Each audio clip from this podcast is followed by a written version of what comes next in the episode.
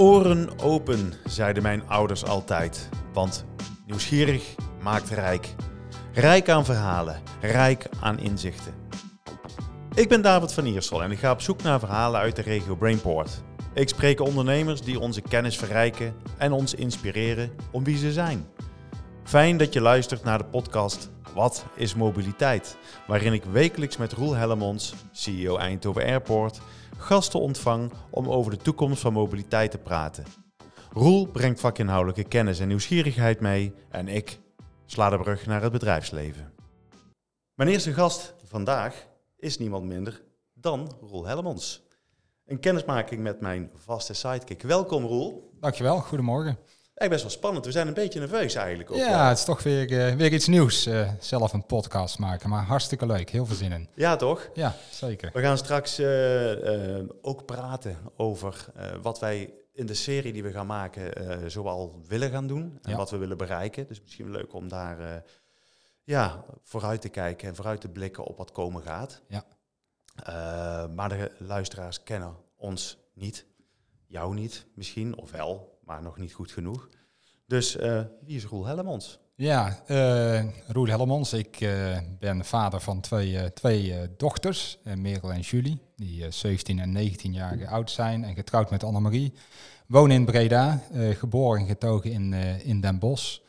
en via wat omzwervingen, jarenlang op Schiphol gewerkt, daarna ook nog zes jaar in Australië gewoond en gewerkt. eindelijk ook aan het werk in, in Brabant.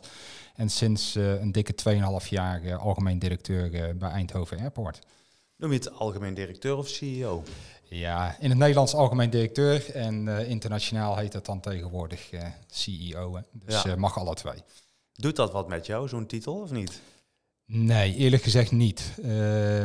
natuurlijk vind ik deze functie super mooi en deze verantwoordelijkheid te mogen hebben. Maar het lijkt dan vaak zo voor de buitenwereld alsof je het in je eentje doet en zelf uh, die hele airport runt. Ehm, en het is echt teamwerk. En, en ook hoe wij de organisatie uh, besturen, uh, beslissingen nemen. Dus in ieder geval waar heel, ik, ik heel erg in geloof, dat doen we echt als een team. En, en dat is een team van zes. Ehm, en daar ben ik dan de, de voorzitter van, de captain van. En naar buiten toe dan de CEO. Maar het is echt het team uh, wat, uh, wat Eindhoven Airport uh, runt. Oké, okay, maar het team van zes, maar daaronder hangen 1500 FTE's ongeveer, toch? Of niet? Nee, nee, nee. Eindhoven Airport is zelf veel kleiner. Wij zijn mm. met, met slechts 70. dus wij zijn echt een regieorganisatie. Mm -hmm. En we werken met, met heel veel partners. dus we werken natuurlijk heel erg samen met, met de luchtmacht. Mm -hmm. Met wie wij de faciliteit delen. Wij zijn medegebruiker van, uh, van militair veld.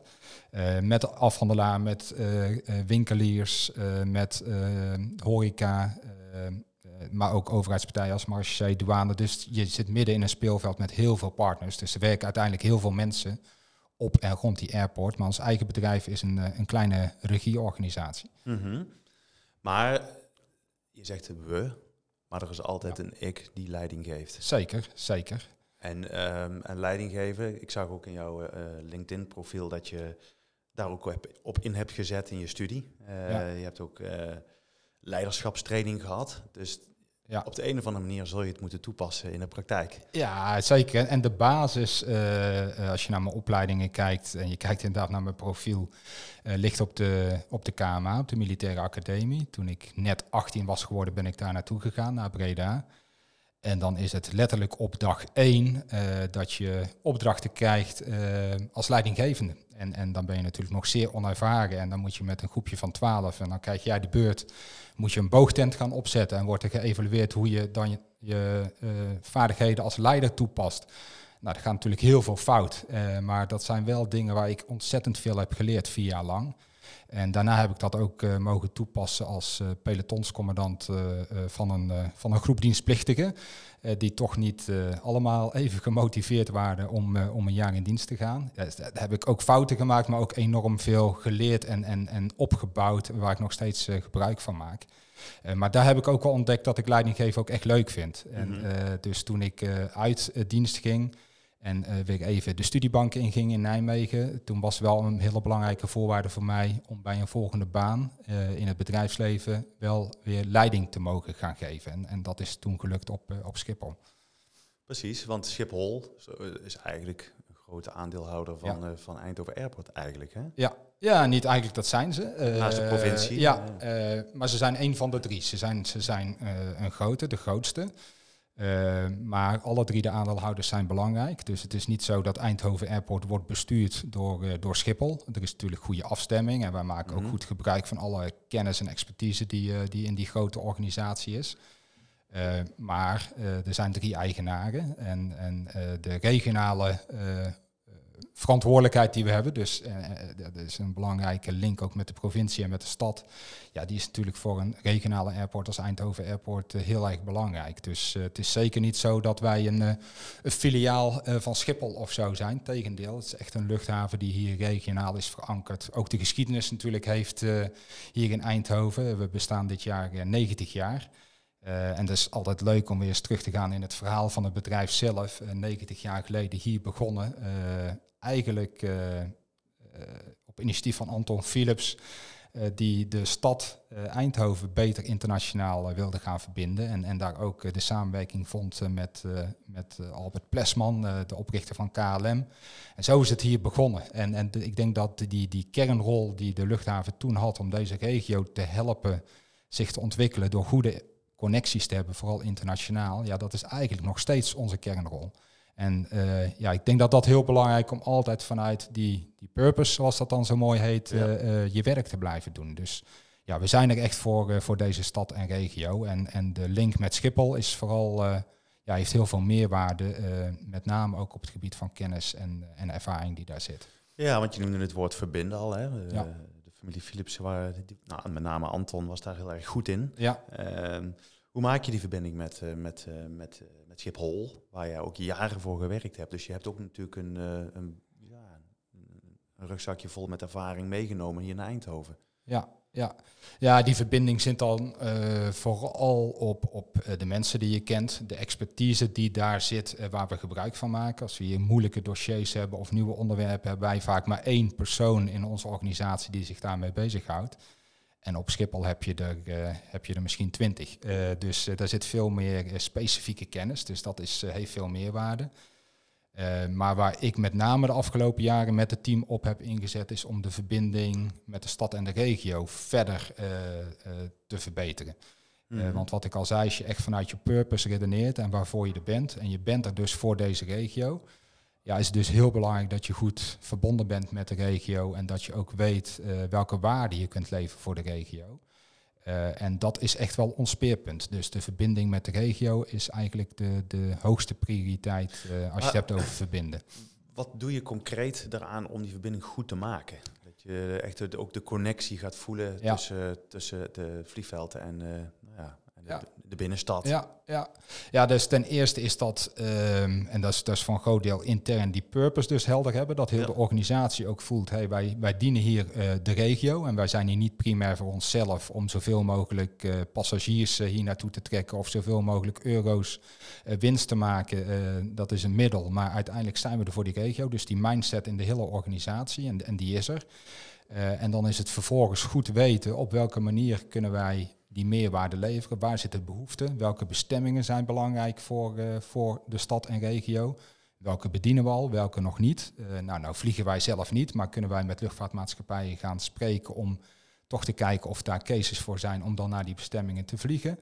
Um, maar het is ook op andere gebieden. Het is ook, hè, we hebben nu uh, recent een gebiedsvisie goedgekeurd gekregen, ook in de gemeenteraad van Eindhoven en in de provincie die we samen hebben opgesteld om de uh, fysieke plek, uh, Eindhoven uh, Airport, wat dan nu Eindhoven Airport District gaat heten. En dat is niet alleen van ons, maar dat is ook de vliegbasis, dat is Flightforum, dat is een stuk van de gemeente, om dat veel meer onderdeel van de stad ook te gaan maken in fysieke zin. En dat het ook echt een logische toegangspoort wordt naar de stad. Dus de heel dat gebied moet ja, moet verder verbeterd en ontwikkeld uh, gaan worden. Want wanneer gaat die naam er, erop zitten? Want het is een nieuw label dus eigenlijk. Dan? Ja, volgens mij ja, ik noem het in ieder geval al zo. Ik weet niet of daar een officieel moment komt. Uh, we hebben volgende week, uh, of over twee weken geloof ik, bestuurlijk overleg. Misschien is dat zo'n moment. Maar dat is wel de, de, in ieder geval de werknaam die het nu al heeft. Mm -hmm. En ja, er moet een hoop gebeuren. Het gebied moet uh, mensvriendelijker worden, om het zo te zeggen. De auto staat nu erg centraal en dat willen we eigenlijk. en we hebben dat bij ons eigen voortrein al veranderd. Het moet vergroenen, het moet verduurzamen. Uh, en ook naar een aantal functies moet goed gekeken worden. Dus daar, daar liggen een hoop kansen, maar het moet ook heel logisch onderdeel zijn van Eindhoven. Uh, en ook aansluiten bij de natuur, die er niet eens ver vandaan ligt. Hè. Wat dan Van Gogh Nationaal Park uh, in oprichting nu heet. Ja, daar liggen we tegenaan. Dus die verbinding met zowel die natuur als met die stad...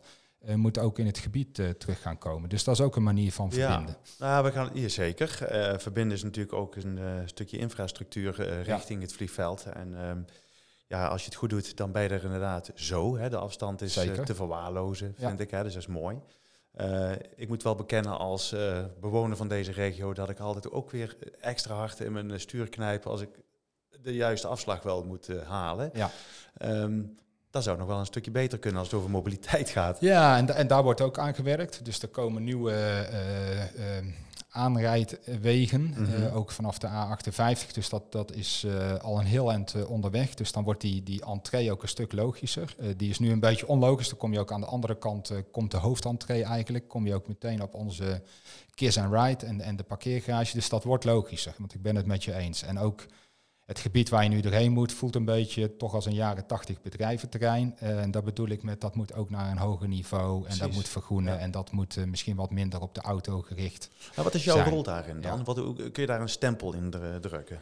Nou, in ieder geval wel een belangrijke rol en zo voel ik hem ook. Alleen dit doe je ook niet alleen en daarom is ook hier het verbinden belangrijk. En, en je kunt natuurlijk voor je eigen stukje gaan en wij kunnen ons eigen gebiedje heel goed ontwikkelen, maar wij beseffen dat we onderdeel zijn van een groter gebied. Uh, en dat grotere gebied is weer onderdeel van de stad. Uh, dus samenwerken en dus die samenwerking opzoeken met uh, de directeur van Flight Forum, met de commandant van de vliegbasis, met de gedeputeerde van de provincie en de wethouder van de stad.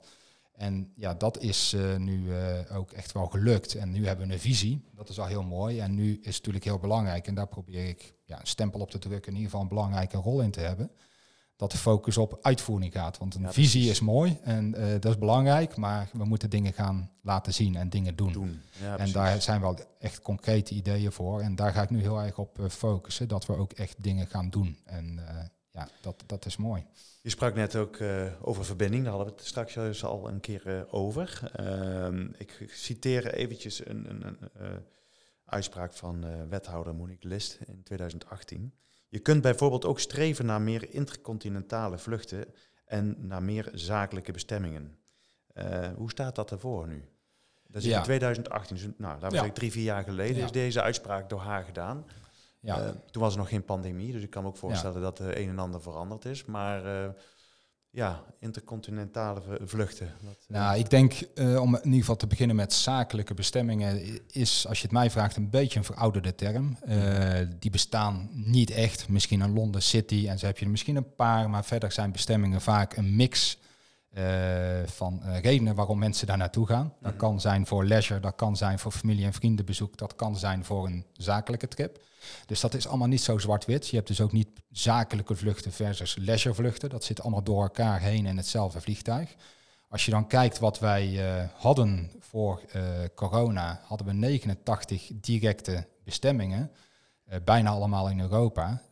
en dat is toch wel heel wat waard. en dat, dat moet een stad, denk ik, niet onderschatten. Dat je vanuit hier heel snel bij een airport bent, uh, wat je net ook zei. En vanuit daar naar 89 verschillende bestemmingen, waaronder heel veel hoofdsteden, kunt vliegen rechtstreeks.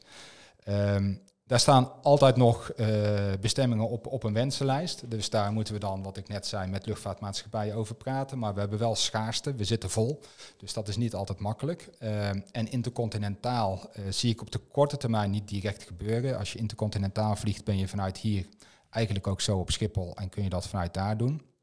Maar ik sluit het ook niet uit dat dat ooit nog gaat komen. Want sommige bestemmingen, als je dan naar de data kijkt, uh, hoeveel mensen er uit deze regio, dus zeg maar een uurtje rijden vanaf Eindhoven Airport, uh, wat wij dan catchment area noemen, hoeveel mensen vanuit daar uh, ieder jaar naar New York gaan, ja, dan zou je een, een, rechtstreekse dienst Eindhoven-New York kunnen opzetten. Dus het zijn dingen die ik niet uitsluit. Wat, wat wij centraal stellen is in ieder geval daar waar behoefte aan is vanuit de regio. Ja, dat proberen te faciliteren vanuit de regio. En, dus een combinatie van leisure en business. Dat dus loopt allemaal door elkaar heen. En, en ja, nogmaals, drie segmenten, leisure, business. En we hebben ook heel veel familie- en vriendenbezoek, uh, internationale werkers.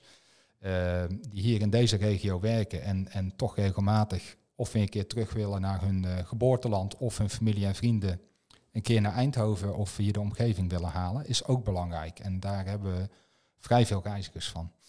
Mooi, ja. Ehm, maar goed, mobiliteit, dan hebben we het ook over duurzaamheid. Ja. En uh, dat is onlosmakelijk aan elkaar verbonden. Zeker. Uh, als we aan vliegen denken, althans Ja. de meeste mensen, Ja. dan denken ze aan een enorme hoeveelheid kerosine die boven een achtertuintje wordt neergestort. Ehm, er is een plan gemaakt en dat is de actieplan Slim en Duurzaam. Ja. En daar, ja, daar zijn we heel erg actief in bezig. Kun jij iets uitleggen over dat plan?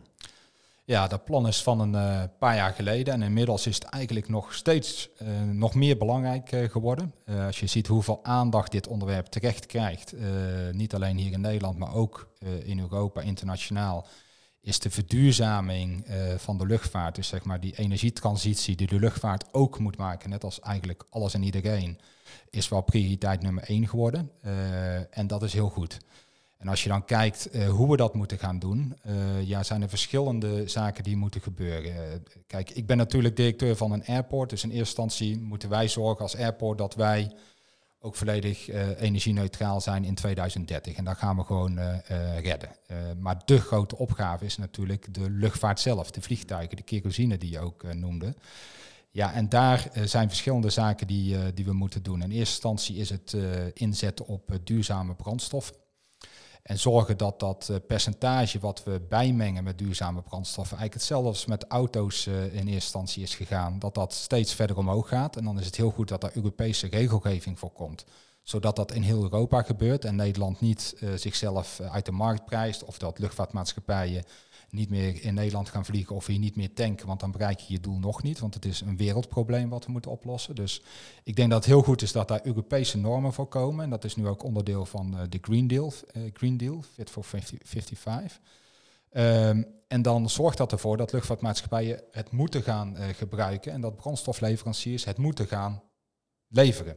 En dat betekent dus, en dat is de fase waar we nu in zitten, dat er uh, opgeschaald moet worden qua productie. Er moeten fabrieken komen uh, en die gaan nu in de komende jaren komen. Dus we zitten nu in die voorfase uh, dat daar steeds meer duurzame brandstoffen beschikbaar gaan komen. Is een race tegen de klok eigenlijk. dat moet zo snel mogelijk als je het mij vraagt. Dus daar moet veel druk op, maar dat wordt wel gevoeld door de brandstofleveranciers. En in eerste instantie zal dat zijn biobrandstoffen. En dat is heel goed. Alleen biobrandstoffen hebben maar een bepaalde houdbaarheid als je kijkt naar de lange termijn. Uh, vervolgens zal dat uh, veranderen, verwachten wij, naar synthetische brandstoffen. Mm -hmm. En die ja, uh, kunnen echt een duurzame oplossing zijn om deze transitie te maken. En ondertussen voor een horizon mogelijk daarna vindt er ook onderzoek plaats naar waterstof. Nou, daar zijn de meningen nog over verdeeld. Is dat nou wel of niet de toekomst? Maar wat, over wat voor een termijn heb je het dan? Als je het dan over dat laatste hebt, want ik Ja. heb er nog eentje om aan toe te voegen. Daar hebben we het in een vorige gesprek al een keer over gehad. Dat is elektrisch vliegen. ja. Want dat dient zich ook aan, maar dat is natuurlijk nog veel te vroeg. Ja. Maar als je, dat, eh, als je een vergezichtje zou mogen schetsen, kort. ehm, je, je was al aan het opzommen, ga nog eens even verder dan. Nou, wat we nu als industrie zeggen is dat we in 2050 volledig eh, energie-neutraal moeten kunnen vliegen. Eh, en dan is het dus volledig. Dus dan moet dit allemaal geïmplementeerd worden. En dat gaat natuurlijk een heel traject worden. En de eerste horizon is eigenlijk 2030, waar nu normen voor worden gesteld. Dus dit is echt een transitie van de komende 20, 25, eh, 25 jaar.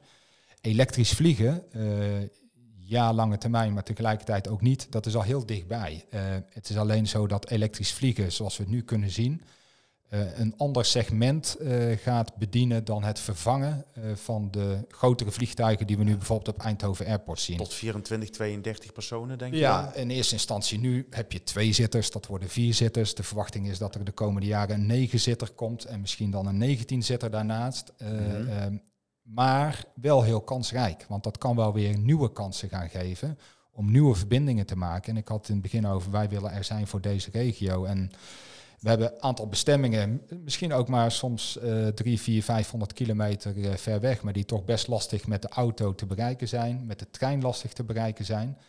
Eh vliegtuigdienst daar naartoe, een luchtdienst eh, is niet rendabel, maar met deze kleine toestellen en misschien een soort on-demand product of niet, komen er hele nieuwe mogelijkheden om volledig eh, duurzaam dit soort verbindingen te gaan maken. Bijvoorbeeld voor het zakenleven hier uit de regio. Dus wij zijn daar wel degelijk heel serieus naar aan het kijken. Hebben uh, afgelopen jaar ook het eerste kleine elektrisch vliegtuigje op Eindhoven Airport gehad, volledig elektrisch. Ja, en je moet ergens beginnen. Dan kun je zeggen, het is maar een tweezittertje, wat heb je eraan? Maar de gebroeders uh, Wright begonnen ook heel klein. ja, natuurlijk. En dat gaat ook dus voor dit gebeuren. Dus ik denk dat het wel een segment blijft voor kleinere toestellen, maar zie het als vliegende bussen. Eh, die je wel heel snel naar bestemmingen binnen Europa kunnen brengen. En daar kun je dus heel veel tijd uh, mee winnen. Het kan heel comfortabel zijn als we dat goed inrichten. En het is ook nog eens uh, volledig energie-neutraal. Als de energie natuurlijk ook groen wordt opgewekt. Wat het heeft gewoon tijd nodig. Het heeft tijd nodig, maar wel een hele interessante ontwikkeling. En er zit ook heel veel kennis en expertise in deze regio. Nu nog vooral gerelateerd aan automotive. Uh, maar die we ook uh, wel willen inzetten uh, op het gebied van elektrisch vliegen. Dus ik zie daar zeker wel kansen voor deze regio en om dingen te gaan doen en Als een koploper. Als het ergens, ergens moet gebeuren, dan is het in deze regio ja, vind ik ook. Ja, wel, denk ja, ik. dat vind ik ook. Um, nou, slaan we de brug naar ons samen. We gaan een samenwerking ja. aan. Wij gaan mensen ontvangen in um, ja, het, het, het gebied, of op het gebied van, van mobiliteit, in de breedste zin van het woord. Uh, dus dat gaan we de komende periode doen. Wekelijks gaan we uitzendingen uh, brengen. Ja, um, ja wat, is, wat zijn je verwachtingen daarvan? Ja, ik, ik vind het vooral leuk, want ik ben natuurlijk uh, veel met luchtvaart bezig, maar we gaan het hier verbreden. Het gaat over mobiliteit in de volle breedste, volle breedte. Uh, dus ik ben vooral heel nieuwsgierig naar de laatste ontwikkelingen, ook als je het hebt over uh, ja, mobiliteit over de grond, dus met betrekking tot auto's. Uh, openbaar vervoer, hoe dat uh, gaat aansluiten, wat de verwachtingen daar zijn, de laatste ontwikkelingen. Uh, de, de duurzaamheidsopgaven, zoals wij die hebben, maar hoe gaan ook de andere modaliteiten de slag maken? Wat, wat verwachten nieuwe generaties? Wat zijn de laatste inzichten? Maar ik ben ook benieuwd naar de mensen die we gaan spreken, naar het verhaal achter de mensen zelf, ja, achter, ondernemers. Ehm, wat drijft hen uh, om te doen wat ze doen? Dus uh, ja, ik ben vooral heel, heel nieuwsgierig. Mooi. Ja. Nou, en um, als je er één uit zou moeten pikken, dat je dacht van nou, ik begin aan deze serie. Um, waar kijk je dan het meest naar uit? Dat je zegt van is dat dan toch de automobiliteit, zeg maar? Of zijn het andere ja, ja, ik ben, takken? ben vooral ook wel benieuwd naar de integraliteit. want uiteindelijk willen mensen van punt A naar punt B. Uh, en mobiliteit is dan een heel mooi middel. En uh, ik geloof ook dat dat altijd belangrijk zal blijven. Je hoort ook wel eens uh, mensen van ja, nu in de coronatijd hebben we geleerd dat we meer thuis kunnen blijven en allemaal niet op pad hoeven. Ja, ik geloof dat maar heel beperkt. Ik denk zodra mensen weer die vrijheid hebben dat ze weer op pad willen, ook internationaal. en hoe sluit dat dan op elkaar aan? De ontwikkelingen die er in automotive zijn of in het openbaar vervoer zijn hoe sluit dat weer aan op de luchtvaart en hoe, hoe, ja, hoe wordt dat ook uiteindelijk voor de gebruiker een hele goede uh, ervaring van punt A naar B. Dus ook, ook die integraliteit vind ik wel uh, een hele interessante. Mooi. Nou, wij gaan samen aan de, de reis beginnen. Ja. Uh, dus, maar het was voor mij heel belangrijk en voor de luisteraars ook heel belangrijk om ook jou te leren kennen. Ja. dus bij alle gesprekken die we hierna gaan krijgen met onze gasten, weten ze in ieder geval met wie ze te maken hebben. Dus ja, dat is precies. belangrijk. Dus ehm, ik stel voor dat wij uh, langzaam richting einde gaan, want ook wij moeten nog ontdekken hoe het met time management gaat. Ja, dat, dus doen we, dat, dat, doen we heel goed. Dat doen we volgens mij best goed. En je ziet het, het vliegt voorbij, om maar even in termen te spreken. En uh, wij zullen zodanig getrakteerd worden op een piepje, beste luisteraars. En dat betekent ook dat we dan altijd gaan afronden, want we zetten in op ongeveer zo'n 24 minuten uh, spreektijd. want als je de hond uit gaat laten, of je zit op de fiets als het over mobiliteit gaat, of in de auto van werk naar thuis, dan is het heel mooi om een podcast af te luisteren. Nou, dat was de piep. Ik weet niet of dat jullie dat hebben gehoord. Tot zover deze aflevering van Wat is mobiliteit? Dank voor het luisteren. Blijf ons volgen op LinkedIn en Instagram en deel vooral je luisterervaring, zodat ook jij anderen inspireert.